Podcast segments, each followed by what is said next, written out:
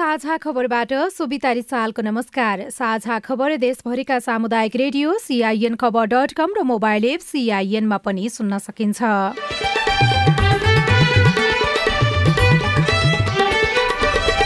माओवादी केन्द्र नेकपा एस र राप्रपाको घोषणापत्र सार्वजनिक माओवादीको मुख्य एजेण्डा प्रत्यक्ष निर्वाचित कार्यकारी राष्ट्रपति कृषिमा लागेका युवालाई दस लाख ऋण दिने नेकपा एसको घोषणा।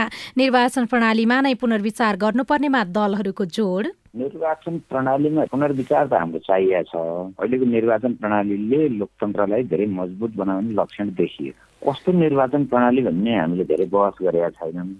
उम्मेद्वारहरूले कार्तिक सत्ताइसदेखि मङ्सिरी एकसम्म प्रचार गर्न सक्ने मनाङ र मुस्ताङ बाहेक सबै जिल्लामा समानुपातिक तर्फको मतपत्र पुग्यो। प्रत्यक्षतर्फको पनि ढुवानी गरिँदै अर्को सातादेखि मतदाता मतदाता शिक्षाको कार्यक्रम सुरु गरिने। महिला स्वास्थ्य स्वयंसेविकालाई चाहिँ मतदाता शिक्षा कार्यकर्ताको रूपमा तोकेर उहाँहरू मार्फत घर कार्यक्रम सञ्चालन गर्ने एउटा हाम्रो कार्यक्रम छ नयाँ कार्यक्रम छ। काठमाडौँबाट दिल्लीका लागि हुने उडान रद्द गर्नु परेकोमा निगमले माग्यो माफी। देशका छप्पिस भन्सार कार्यालयहरूमध्ये सामान निर्यात गर्नेमा विराटनगर अगाडि लाभको पद बारेमा उम्मेद्वार नै अलमल। चुनावको बेलामा कानून निर्माणको विषय किन पर्दैन प्राथमिकतामा? चुनावको प्रचारको क्रममा न त कुनै उम्मेद्वारले यी कुराहरू उल्लेख गरे न त जनताले नै के कानुन बनाउँछौ भनेर सोच र प्रधानमन्त्री कप क्रिकेटमा गण्डकी र पुलिसको जित टी ट्वेन्टी विश्वकप क्रिकेटमा अस्ट्रेलियाको दोस्रो जित।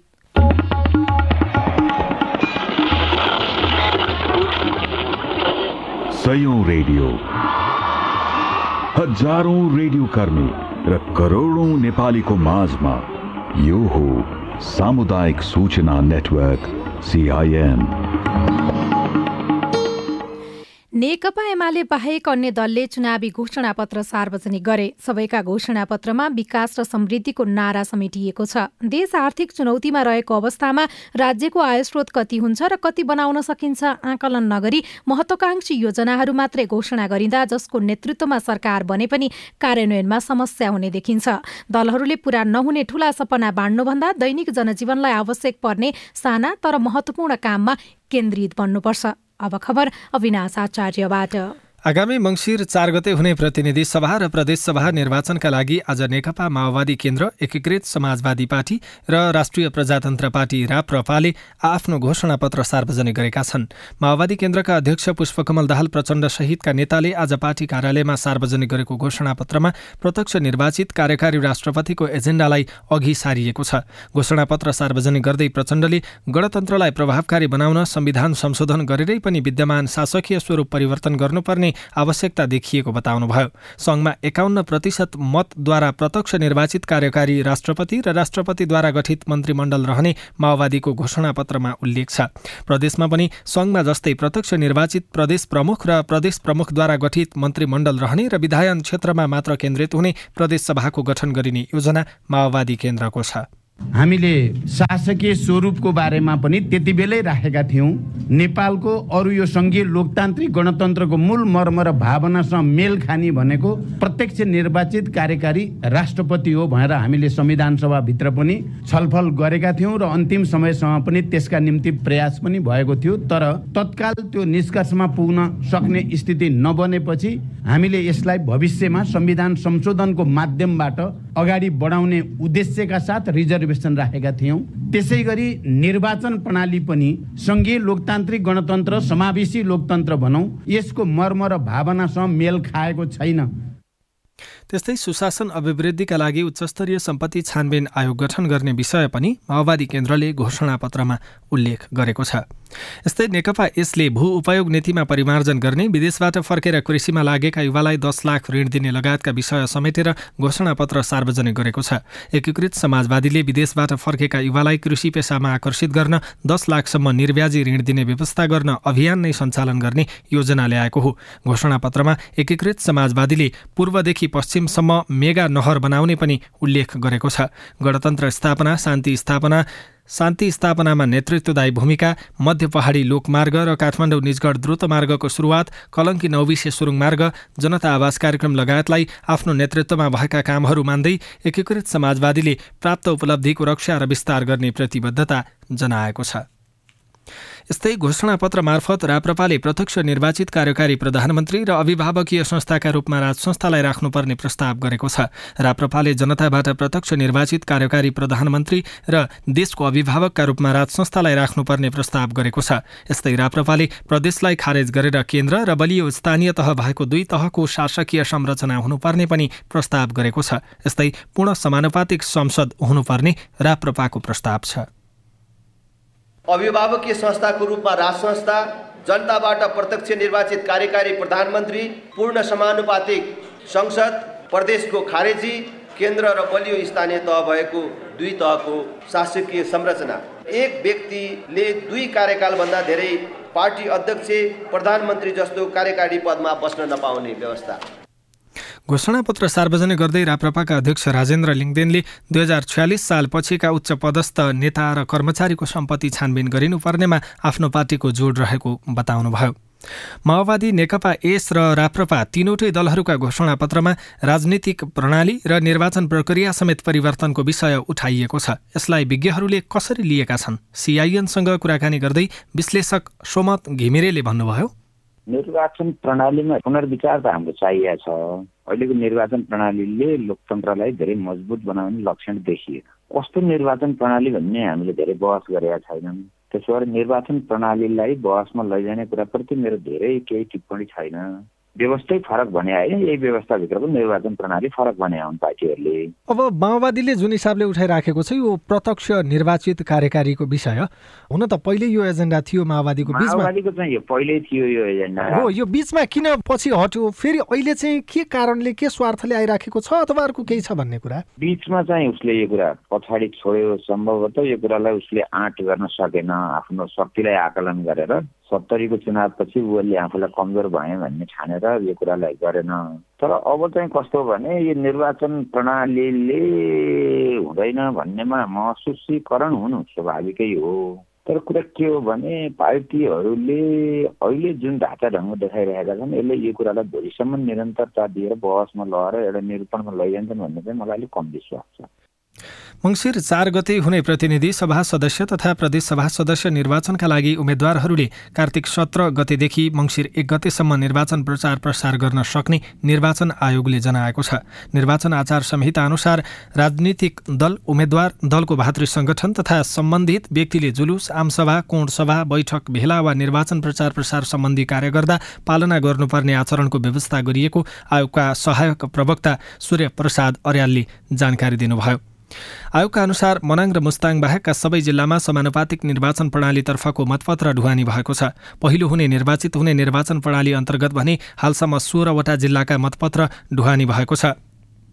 प्रत्यक्षतर्फ हालसम्म अठहत्तर लाख पैँसठी हजार मतपत्र ढुवानी भएको छ जसमा प्रतिनिधि सभाको मतपत्र उन्चालिस लाख उन्नाइस हजार र प्रदेशसभाको मतपत्र उन्चालिस लाख त्रिचालिस हजार रहेका छन्।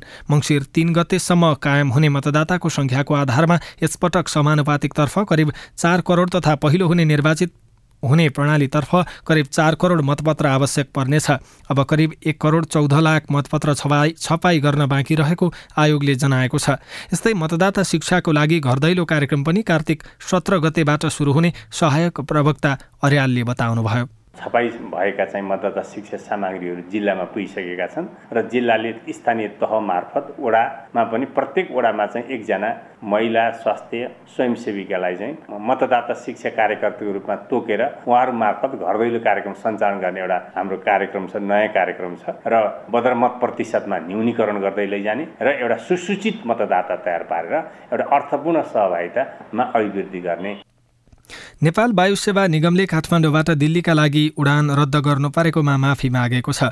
उडान अनुमति नलिई दिल्ली र काठमाडौँमा चार सय पचासजना यात्रु अल्पत्र पार्ने गरी भएको उक्त घटनाबारे निगमले आज विज्ञप्ति निकालेर माफी मागेको हो। हिजो नेपाल वायु सेवा निगमको काठमाडौँ दिल्ली काठमाडौँको उडान कारणवश रद्द भएकाले यात्रुवर्गमा पर्न गएको असुविधाप्रति आज माफी मागिएको निगमले जारी गरेको विज्ञप्तिमा उल्लेख छ।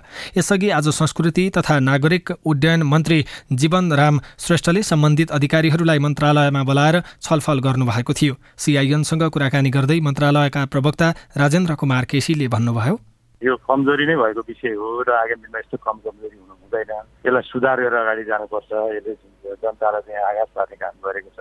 र कहाँनिर कसको कारणले चाहिँ गल्ती भयो त्यो पनि छानबिन गरेर चाहिँ अगाडि बढोस् भनेर त्यो निर्देशन दिने काम भएको छ। त्यो फ्लाइटको कारणले रोकिएका चाहिँ यात्रुहरू हुनुहुन्छ उहाँहरूलाई चाहिँ अब पहिलो प्राथमिकतामा राखेर सम्बन्धित मतलब गन्तव्यमा पुर्याउनको लागि चाहिँ एनएसीले आफ्नो तर्फबाट चाहिँ पहल गरिदियोस् भन्ने पनि मेरो शङ्का छ। यो आगामी दिनमा चाहिँ यस्ता खालका घटनाहरू नआउने गरी एनएसीले आफ्नो तर्फबाट पहल गर्न दिने भन्ने हिसाबले चाहिँ निर्देशन दिने काम चाहिँ बैठकले गरेको छ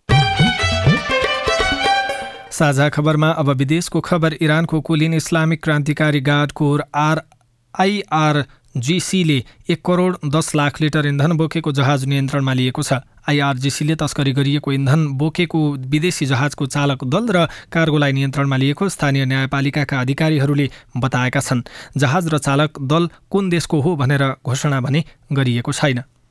र खेल खबरमा प्रधानमन्त्री कप एक दिवसीय पुरुष क्रिकेट प्रतियोगितामा गण्डकी प्रदेशले विजयी सुरुवात गरेको छ। टियु क्रिकेट मैदानमा आज भएको खेलमा सुदूरपश्चिम प्रदेशलाई उनसत्तरी रनले हराउँदै गण्डकीले विजयी सुरुवात गरेको हो। आजै मुलपानी क्रिकेट मैदानमा भएको अर्को खेलमा नेपाल पुलिस क्लबले प्रदेश एकलाई सात विकेटले हराएको छ। र टी ट्वेन्टी विश्वकप क्रिकेटमा अस्ट्रेलियाले आयरल्यान्डलाई बयालिस रनले हराएको छ। एक सय अस्सी रनको लक्ष्य पाएको आयरल्यान्डलाई अठार ओभर एक बलमा एक सय सैतिस रनमा अलआउट गर्दै घरेलु टोली अस्ट्रेलिया विजयी भएको हो। अविनाश आचार्य।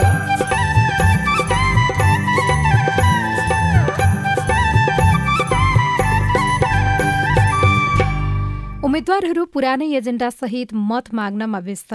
जनताको समस्या बुझ्ने र प्रत्यक्ष जनतासित के छ जनताको समस्या? के हो? मैले गर्नुपर्ने दायित्व के हो? म मान्ने भएपछि मैले के के गर्नुपर्छ भन्ने कुरा चाहिँ बुझ्न जरुरी छ। नागरिकहरू विकास माग्दै रिपोर्ट लाभको पद बारेमा अलमल चुनावको समय र विकासको आश्वासन तर कानून निर्माणको विषय पर्दैन प्राथमिकतामा। रेडियो कुराकानी लगायत सामग्री। बाँकी नै छन् सिआइएनको साझा खबर सुन्दै गर्नुहोला।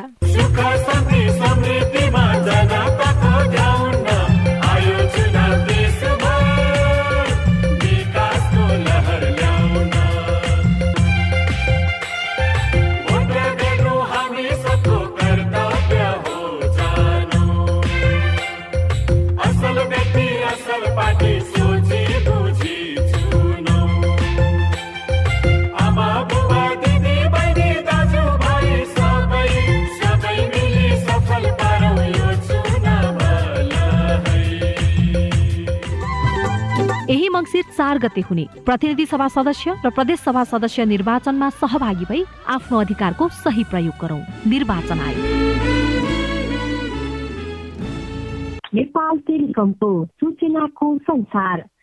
होइन के सुनेको यस्तो ध्यान दिएर दोहोरो बोलेको जस्तो नि देख्दिन। तिन दुई एक शून्य शून्य क्या? तिन दुई एक शून्य शून्य? के हो त्यो भने? बुझिन त।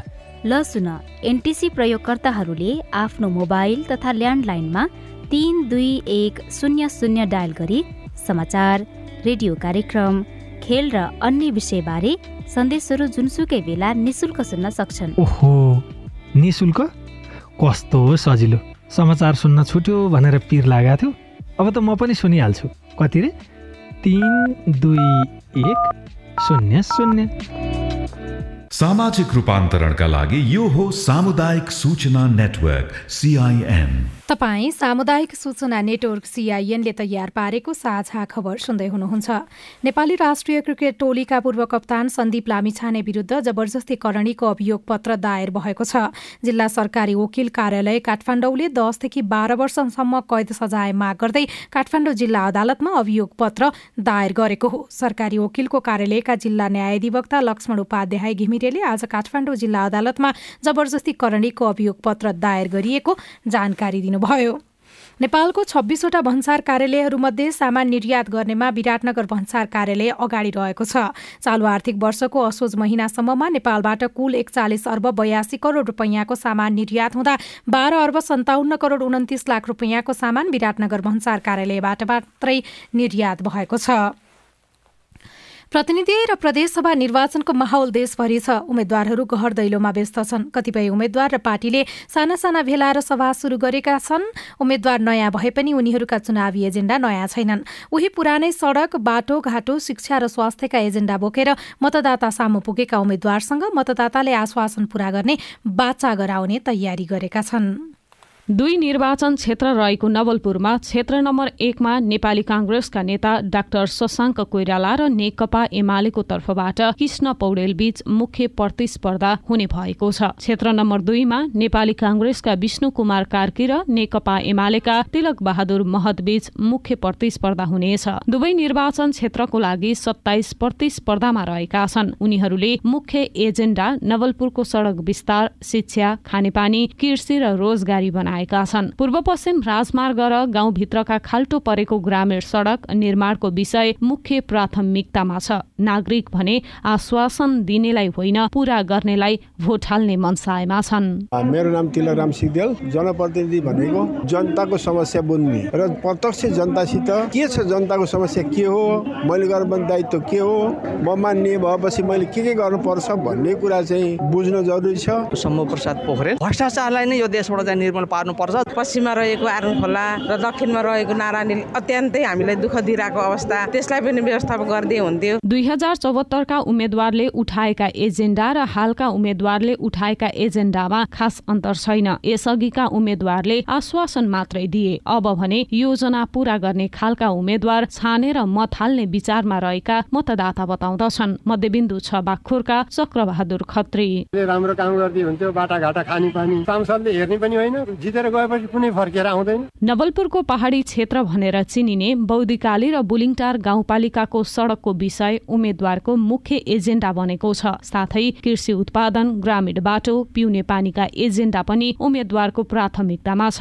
हाल मतदाताहरू उम्मेद्वारहरूको एजेन्डा र क्षमता हेरिरहेका छन्। नवलपुरमा चार प्रदेश सभा सदस्यका लागि एकचालिस उम्मेद्वार प्रतिस्पर्धामा रहेका छन्। स्थानीय स्तरमा सहज रूपमा स्वास्थ्य सेवाको पहुँच दमकल एम्बुलेन्स गुणस्तरीय शिक्षा रोजगारीको विषय नागरिकको चाहना छ। नागरिकको चाहना हेरेर उम्मेद्वारहरूले आश्वासन बाँडिरहेका छन्। पवित्रा पराजुली सिआइएन रेडियो दर्पण नवलपरासी पूर्व।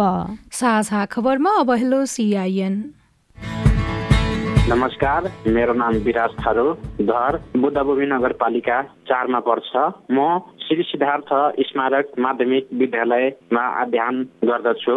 हाम्रो नगरपालिकाले बारम्बार आधारभूत शिक्षा निशुल्क भनेर सामाजिक सञ्जालमा लेखेर पोस्ट गरिराख्दा हाम्रो विद्यालयले किन शुल्क लिइराख्छ यो कहिले निशुल्क हुने हो? विराटजी सबैभन्दा पहिले त तपाईँले आफ्नै विद्यालयमा रहेको समस्या समाधानका लागि चासो राख्नु भएकोमा खुसी लाग्यो।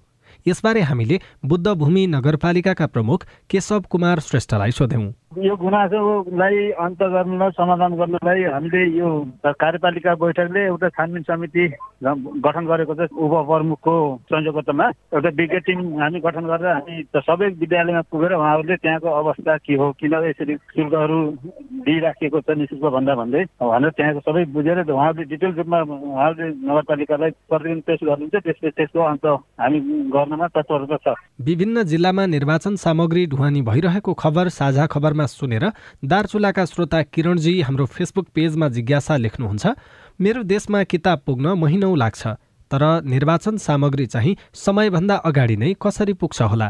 अनि डोटीबाट नाम नखुलाउनुभएका एकजना श्रोताले हाम्रो आइभीआरमा फोन गरेर नागरिकता बनाउन कति वर्ष उमेर पुग्नुपर्ने हो भनेर सोध्नु भएको छ। जिज्ञासा रेकर्ड गराउनु भएकोमा तपाईँलाई धन्यवाद।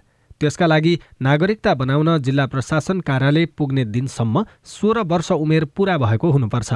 सार्वजनिक विदा नपरेको कार्यालय खुलेको जुनसुकै दिन पनि तपाईँले नागरिकता बनाउन सक्नुहुन्छ। आफू स्थायी रूपले बसोबास गरेको ओडाबाट सिफारिस भई आएको र रित पुगेको आवेदन भएमा आवेदन बुझाएको केही घण्टाभित्रै नागरिकता लिन सकिन्छ। तपाईँ पनि हाम्रो फोन नम्बर शून्य एक बाहन्न साठी छ चार छमा फोन गरेर आफ्ना प्रश्न जिज्ञासा गुनासा सुझाव तथा प्रतिक्रिया रेकर्ड गराउन सक्नुहुन्छ। तपाईँ सामुदायिक सूचना नेटवर्क सिआइएनले काठमाडौँमा तयार पारेको साझा खबर सुन्दै हुनुहुन्छ। साझा खबर मोबाइल एप नेपाली पात्रोबाट पनि सुनिरहनु भएको छ। लाभको पदबारे उम्मेद्वारहरू अलमलमा। र कुनै पनि कानुनले चाहिँ नेपाल मेडिकल काउन्सिलको पदलाई लाभको पद भनेर व्याख्या गरेको छैन। यसर्थ मेरो उम्मेदवारी सुरक्षित हुनुपर्छ भन्न चाहन्छु।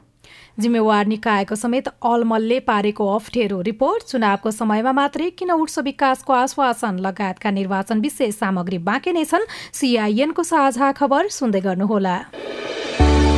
नेपाल युरोपियन युनियन चलचित्र महोत्सवको एघारौं संस्करण। यही कार्तिक एघार गतेदेखि बाइस गतेसम्म हुन गइरहेको छ। महोत्सवमा तेह्रवटा उत्कृष्ट युरोपेली चलचित्रहरू र तीनवटा नेपाली चलचित्र प्रदर्शित हुँदैछन्। यी चलचित्रहरू काठमाडौँको चाबहिल स्थित चलचित्र विकास बोर्डको हलमा निशुल्क रूपमा प्रदर्शित गरिनेछ। महोत्सव सुर्खेतमा कार्तिक उन्नाइस गतेदेखि बाइस गतेसम्म आयोजना हुनेछ। महोत्सवमा पाँच उत्कृष्ट युरोपेली र तीन नेपाली चलचित्रहरू प्रदर्शित गरिनेछ। गरिनेछन्। महोत्सव सुर्खेतको मध्यपश्चिम विश्वविद्यालयको हलमा निशुल्क रूपमा प्रदर्शित गरिनेछ। चलचित्र महोत्सव भरि नै भर्चुअल प्लेटफर्म फेस्टिभल स्कोपमा पनि चलचित्रहरू निशुल्क रूपमा हेर्न सक्नुहुनेछ। साथै महोत्सव अन्तर्गत चलचित्र सम्बन्धी विभिन्न रोचक अन्तर्क्रियात्मक कार्यक्रमहरू पनि भर्चुअल माध्यम मार्फत आयोजना गरिनेछन्। तपाईँहरू सम्पूर्ण यस चलचित्र महोत्सवमा सहभागी भएर यसलाई सफल पारिदिनु हुन हार्दिक अनुरोध गर्दछौ। थप जानकारीका लागि नेपाल स्थित युरोपियन युनियनको डेलिगेसनको वेबसाइट तथा यसको facebook page W dot facebook dot com slash in नेपालमा हेर्नुहोला। आयोजक नेपाल स्थित युरोपियन युनियनको डेलिगेसन। सामाजिक रूपान्तरणका लागि यो हो सामुदायिक सूचना नेटवर्क सिआइएन तपाईँ सामुदायिक सूचना नेटवर्क सिआइएनले काठमाडौँमा तयार पारेको साझा खबर सुन्दै हुनुहुन्छ। लाभको पदमा रहेको व्यक्ति प्रदेश र प्रतिनिधि सभा निर्वाचनमा उम्मेद्वार बन्न नपाउने कानून छ। तर लाभको पद के हो भन्ने बारे कानूनको अस्पष्टता र निर्वाचन आयोगका निर्णयबारे विवाद र आलोचना हुने गरेको छ। नेपाल मेडिकल काउन्सिलको सदस्य पद लाभको पद हो कि होइन भनेर डाक्टर तोसिमा कार्कीले गएको भदौ अठाइस गते निर्वाचन आयोगमा निवेदन दिनुभयो। आयोगले यसबारे कुनै निर्णय गरेन। बरु जिल्ला निर्वाचन कार्यालयले उहाँको मनोनयन पत्र दर्ता गर्दै निर्वाचन चिन्ह दियो। तर निर्वाचन आयोगमा निवेदन दर्ता भएको डेढ महिनापछि उहाँको उम्मेद्वारी खारेज गर्यो। काउन्सिलबाट बैठक भत्ता लिने भएकाले त्यो लाभको पद भएको आयोगको निष्कर्ष छ। म उम्मेदवार हुन योग्य व्यक्ति हुँ र अयोग्य भनेर जुन बुदा राखिएको छ निर्वाचन ऐनमा कुनै पनि बुदामा चाहिँ म अयोग्य ठहर हुँदिनँ र कुनै पनि कानुनले चाहिँ नेपाल मेडिकल काउन्सिलको पदलाई लाभको पद भनेर व्याख्या गरेको छैन। यसर्थ मेरो उम्मेदवारी सुरक्षित हुनुपर्छ भन्न चाहन्छु। डाक्टर कार्कीको उम्मेदवारी खारेज गर्ने आयोगको निर्णयपछि लाभको पद र उम्मेद्वार बन्न पाउने नपाउने मापदण्डबारे बहस चर्किएको छ। पदमै रहेका प्रधानमन्त्री र मन्त्री उम्मेद्वार बन्न पाउने तर बैठक भत्ता लिनुलाई लाभको पद भन्नु अमिल्दो रहेको भन्दै आयोगको आलोचना भइरहेको छ। अर्कातिर निवेदन दिएको त्यति लामो समयसम्म निर्णय नगर्दा आयोगप्रति थप शंका बढेको हो। निर्वाचन आयोगका सहायक प्रवक्ता सूर्य प्रसाद अर्याल भने कानूनले नै लाभको पदको परिभाषा गरेकाले आयोगले त्यसै अनुसार निर्णय गरेको दावी गर्नुहुन्छ। लाभको पदमा निर्वाचन वा मनोनयनबाट प्राप्त हुने पद भने त्यस हुनाले प्रधानमन्त्री उनीहरूको चाहिँ अब निर्वाचन अथवा मनोनयनबाट आएको पदलाई त्यसलाई उन्मुक्ति दिएको छ एउटा कुरो। र अर्को कुरो के छ भन्दा पेन्सनरहरूको कुरा छ जहाँ छ उहाँहरू पदमा हुनुहुन्छ। दुईटा कुरा लाभको पद। पद पनि हुनु पर्यो लाभ पनि हुनु पर्यो कि दुईटा कुरा। दुईटा कुरा नभइकन त्यो अर्थ नखुल्ने भएको हुनाले लाभ मात्रै भएर पनि भएन पद मात्रै भएर पनि भएन। लाभ र पद दुईटै कुराहरू प्रतिनिधि सभा सदस्यको निर्वाचन सम्बन्धमा व्यवस्था गर्न बनेको ऐन दुई हजार चौहत्तरमा लाभको पद भन्नाले निर्वाचन वा मनोनयनद्वारा पूर्ति गर्ने गरिने राजनीतिक पद बाहेक कुनै सरकारी कोषबाट पारिश्रमिक वा सुविधा पाउने अन्य पद सम्झिनुपर्छ भन्ने उल्लेख गरिएको छ। यहाँ निर्वाचन भन्नाले पेसागत संघ संस्थाको निर्वाचन पर्ने नपर्ने वा तलब नलिएर बैठकको भत्ता मात्र लिने कुरालाई आर्थिक लाभ भन्ने कि नभन्ने जस्ता कुरामा दुविधा भएको छ। यस्ता विषयमा कानूनमै स्पष्ट व्यवस्था नहुँदा समस्या भएको निर्वाचन आयोगका पूर्व निर्वाचन आयुक्त दोलख बहादुर गुरुङ बताउनुहुन्छ। कुन कुनलाई लाभको पद मान्ने कुन कुनलाई लाभको मान नमान्ने त्यो चाहिँ स्पष्ट रूपमा ऐन कानुनमा त्यसलाई चाहिँ व्याख्या गरेर सो अनुसार चाहिँ गर्नुपर्छ। अदालतमा पुगिसकेको हुनाले अदालतको निर्णय नै कुर्नुपर्ने चाहिँ त्यो चाहिँ आवश्यकता चाहिँ रह्यो। प्रदेश प्रतिनिधि सभाको निर्वाचनको मिति नजिकिँदै गर्दा उम्मेद्वार चुनावी प्रचारमा व्यस्त छन्। तर कानून स्पष्ट नभएका केही विषय र आयोगका निर्णय भने विवादमा पर्ने गरेका छन्। उषा तामाङ सिआइएन काठमाडौँ। उम्मेद्वारको मापदण्डको विषय संविधान र कानूनमा नै स्पष्ट नभएको भन्दै यो विषय अदालतमा पुगेको छ। तर सांसदको काम कानून निर्माण गर्ने नै हो भन्ने प्रष्ट व्यवस्था गरिएको छ। तर पनि दुई हजार पन्ध्र सालदेखि उम्मेद्वारले विकास निर्माण गर्छु भनेर मतदातालाई ढाँट्ने अवस्था कसरी बन्यो हामीले एकजना राजनीतिक शास्त्री कपिल श्रेष्ठसँग कुराकानी गरेका छौं। घोषणापत्रहरू पनि जारी भइरहेका छन्। के देख्दाखेरि अचम्म लाग्छ र दुःख पनि लाग्छ भने? विगतको दस वर्ष यताको संसद अथवा सैँतालिस अडचालिस सालदेखि संसदको सबैभन्दा कमजोर पक्ष नै के रह्यो भने विधिहरू पनि बनाउन सकेका छैनन्। अब राष्ट्रिय मानव अधिकार आयोग एउटा आइसिसी छ क अत्यन्त विशिष्ट श्रेणीबाट तल्लो श्रेणीमा झर्दैछ। यसले नेपालको पनि बदनाम हुँदैछ। चुनावको प्रचारको क्रममा न त कुनै उम्मेद्वारले यी कुराहरू उल्लेख गरे। न त जनताले नै के कानुन बनाउँछौ भनेर सोध्छ मानव अधिकार आयोग अन्तर्राष्ट्रिय स्तरमा तल्लो अवस्थामा खस्कँदैछ। त्यो कानुन नभएको कारणले भन्नुभयो। दर्जनौ कानुन बनाउन नसकेर प्रतिनिधि सभाको कार्यकाल सकियो। बन्नुपर्ने ऐन कानुन नबन्नु भनेको चुनावको बेलामा विकास निर्माण गर्छु भनेको थिएँ भनेर सांसदले गरेको प्रतिबद्धताको असर हो कि अरू कुनै कारण हो त? सांसदहरूको प्राथमिकतै भएन। कमिटीहरूमा सहभागिता कति छ? हाजिरी कति छ होमवर्क कति छ कहिले कुनै सांसदले विधेयकहरूका बारेमा हामीसँग कहिले सल्लाह गरेको छ? कतिपय सांसद त मेरा कोही भाइ छन् मेरा विद्यार्थी छन् कोही मेरा साथी छन् नजिकका छन् है? गरेका छैनन् उनीहरूले। भागेर हिँड्छन्। यो गर्नुपर्ने काम नहुनुमा कसको दोष हो त? राजनीतिक दलको कि अथवा सांसद अथवा जिताउने मतदाताको दोष? सबैभन्दा ठुलो दोष छ सांसद स्वयंको हो नि। उसलाई थाहा छैन ऊ के को लागि त्यहाँ निर्वाचित हुँदैछ। अनि राजनीतिक दलहरूले पनि राजनीतिक दलहरूले पनि यसमा नेतृत्व लिन पर्दैन।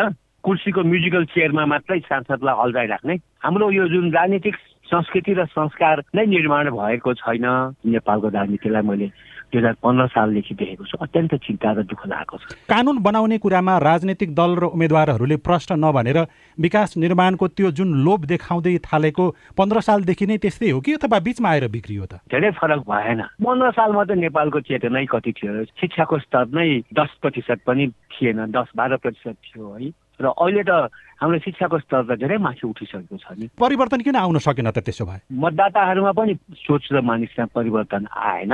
यी सांसदहरू त अलिक बुझेका हुने बुझिसकेका मान्छे हुने प्रदेशका मान्छे अधिकार पुगेन भन्छन् तर कस्तो किसिमको अब अधिकार दिने त है? यो बारेमा बहस छलफल गर्ने जनमत बनाउने अत्यन्त उत्तम उपाय थियो नि अति उत्तम समय थियो नि जुन गरेनन्। एउटा उम्मेद्वारले प्रतिनिधि सभा अथवा प्रदेश सभाको निर्वाचनको बेलामा यो यो कानुन बनाउँदैछु त्यस कारणले मलाई मत दिनुहोस् भन्ने कुरा र त्यो भनेकै आधारमा मतदाताले उक्त व्यक्तिलाई निर्वाचित गराउने अवस्था आउन कति समय लाग्छ त अझै? समय त अहिले आइसक्नु पर्ने हो लागिसक्नु पर्ने हो हेर्नुहोस् है। अब यसको लागि अब तपाईँ हामीको पनि हाम्रो पनि कमजोर छ। अब हामीले पनि दबाब र सुझाव दिन पुगेन खबरदारी गर्न पुगेन। सञ्चार माध्यम र नागरिक समाजले पनि हामीले बहस छलफल र दबाब दिन नपुगेकै हो। उनीहरूलाई मात्रै दोष नदिऊ सबैको सामूहिक जिम्मेवारी हो। अब एउटा खबर संक्षेपमा आमदानी भन्दा खर्च धेरै भएपछि सरकारका लागि नेपाल राष्ट्र ब्याङ्कले आन्तरिक ऋण उठाउने काम सुरु गरेको छ। नेपाल राष्ट्र ब्याङ्कले भोलि सोह्र अर्ब छैसठी करोड रुपियाँ बराबरको ट्रेजरी बिल बोल कवोल गर्ने भएको छ। भोलिदेखि बिक्री गर्ने गरी बैङ्कले सो परिणामको ट्रेजरी बोल कबोल गर्न लागेको हो। एकानब्बे एक सय बयासी र तिन सय चौसठी दिने गरी तीन किसिमको ट्रेजरी बिक्री गर्न लागेको बैङ्कले एकानब्बे दिनका लागि पाँच अर्ब दस करोड रुपियाँ छुट्याएको छ। Ciao. माओवादी केन्द्र नेकपा यस र राप्रपाले घोषणापत्र सार्वजनिक गरेका छन्। माओवादीले मुख्य एजेन्डा प्रत्यक्ष निर्वाचित कार्यकारी राष्ट्रपतिलाई बनाएको छ। नेकपा यसले कृषिमा लागेका युवालाई दस लाख ऋण दिने घोषणा गरेको छ। निर्वाचन प्रणालीमा नै पुनर्विचार गर्नुपर्नेमा दलहरूले जोड दिएका छन्। उम्मेद्वारहरूले कार्तिक सत्रदेखि मङ्सिर एक गतेसम्म प्रचार प्रसार गर्न सक्नेछन् मनाङ र मुस्ताङ बाहेक सबै जिल्लामा समानुपातिक तर्फको मतपत्र पुगेको छ। प्रत्यक्ष तर्फको मतपत्र डुहानीको काम पनि चलिरहेको छ। र अर्को सातादेखि मतदाता शिक्षाको कार्यक्रम सुरु गरिनेछ। काठमाडौँबाट दिल्लीका लागि हुने उडान रद्द गर्नु परेकोमा निगमले माफी मागेको छ। हवस् त आजलाई साझा खबरको समय सकियो। प्राविधिक साथी सुभाष पन्तलाई धन्यवाद। भोलि कार्तिक पन्ध्र गते बिहान छ बजेको साझा खबरमा फेरि भेटौँला। अहिलेलाई सोभितारी साल पनि बिदा हुन्छु। नमस्कार शुभरात्री।